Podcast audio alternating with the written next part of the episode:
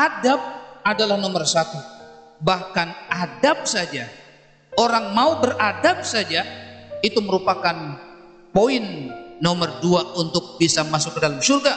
Rasulullah Sallallahu Alaihi Wasallam mengatakan, "Aktsaru ma yudkhilul jannah ba'da taqwallah husnul khuluq."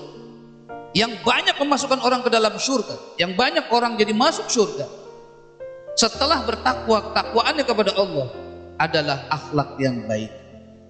Orang sukses adalah hanya orang yang bisa berakhlak baik. Tapi syaitan membuat manusia tidak berakhlak. Ini saja PR kami. Oleh karena itu tolong bantu anak-anak. PR para guru satu agar Anda berakhlak. Sebab orang yang sungguh-sungguh Allah sudah jaminkan kesuksesan.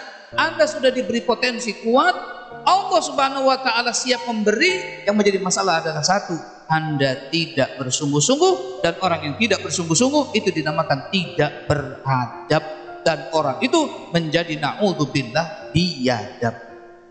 Tetapi orang-orang yang beradab sudah dijamin kesuksesannya. Bahkan itu modal besar untuk sukses. Sukses menghafal Quran, sukses menjadi orang soleh, sukses menjadi apa pun. Nah, kami tahu di hatimu ada doa itu.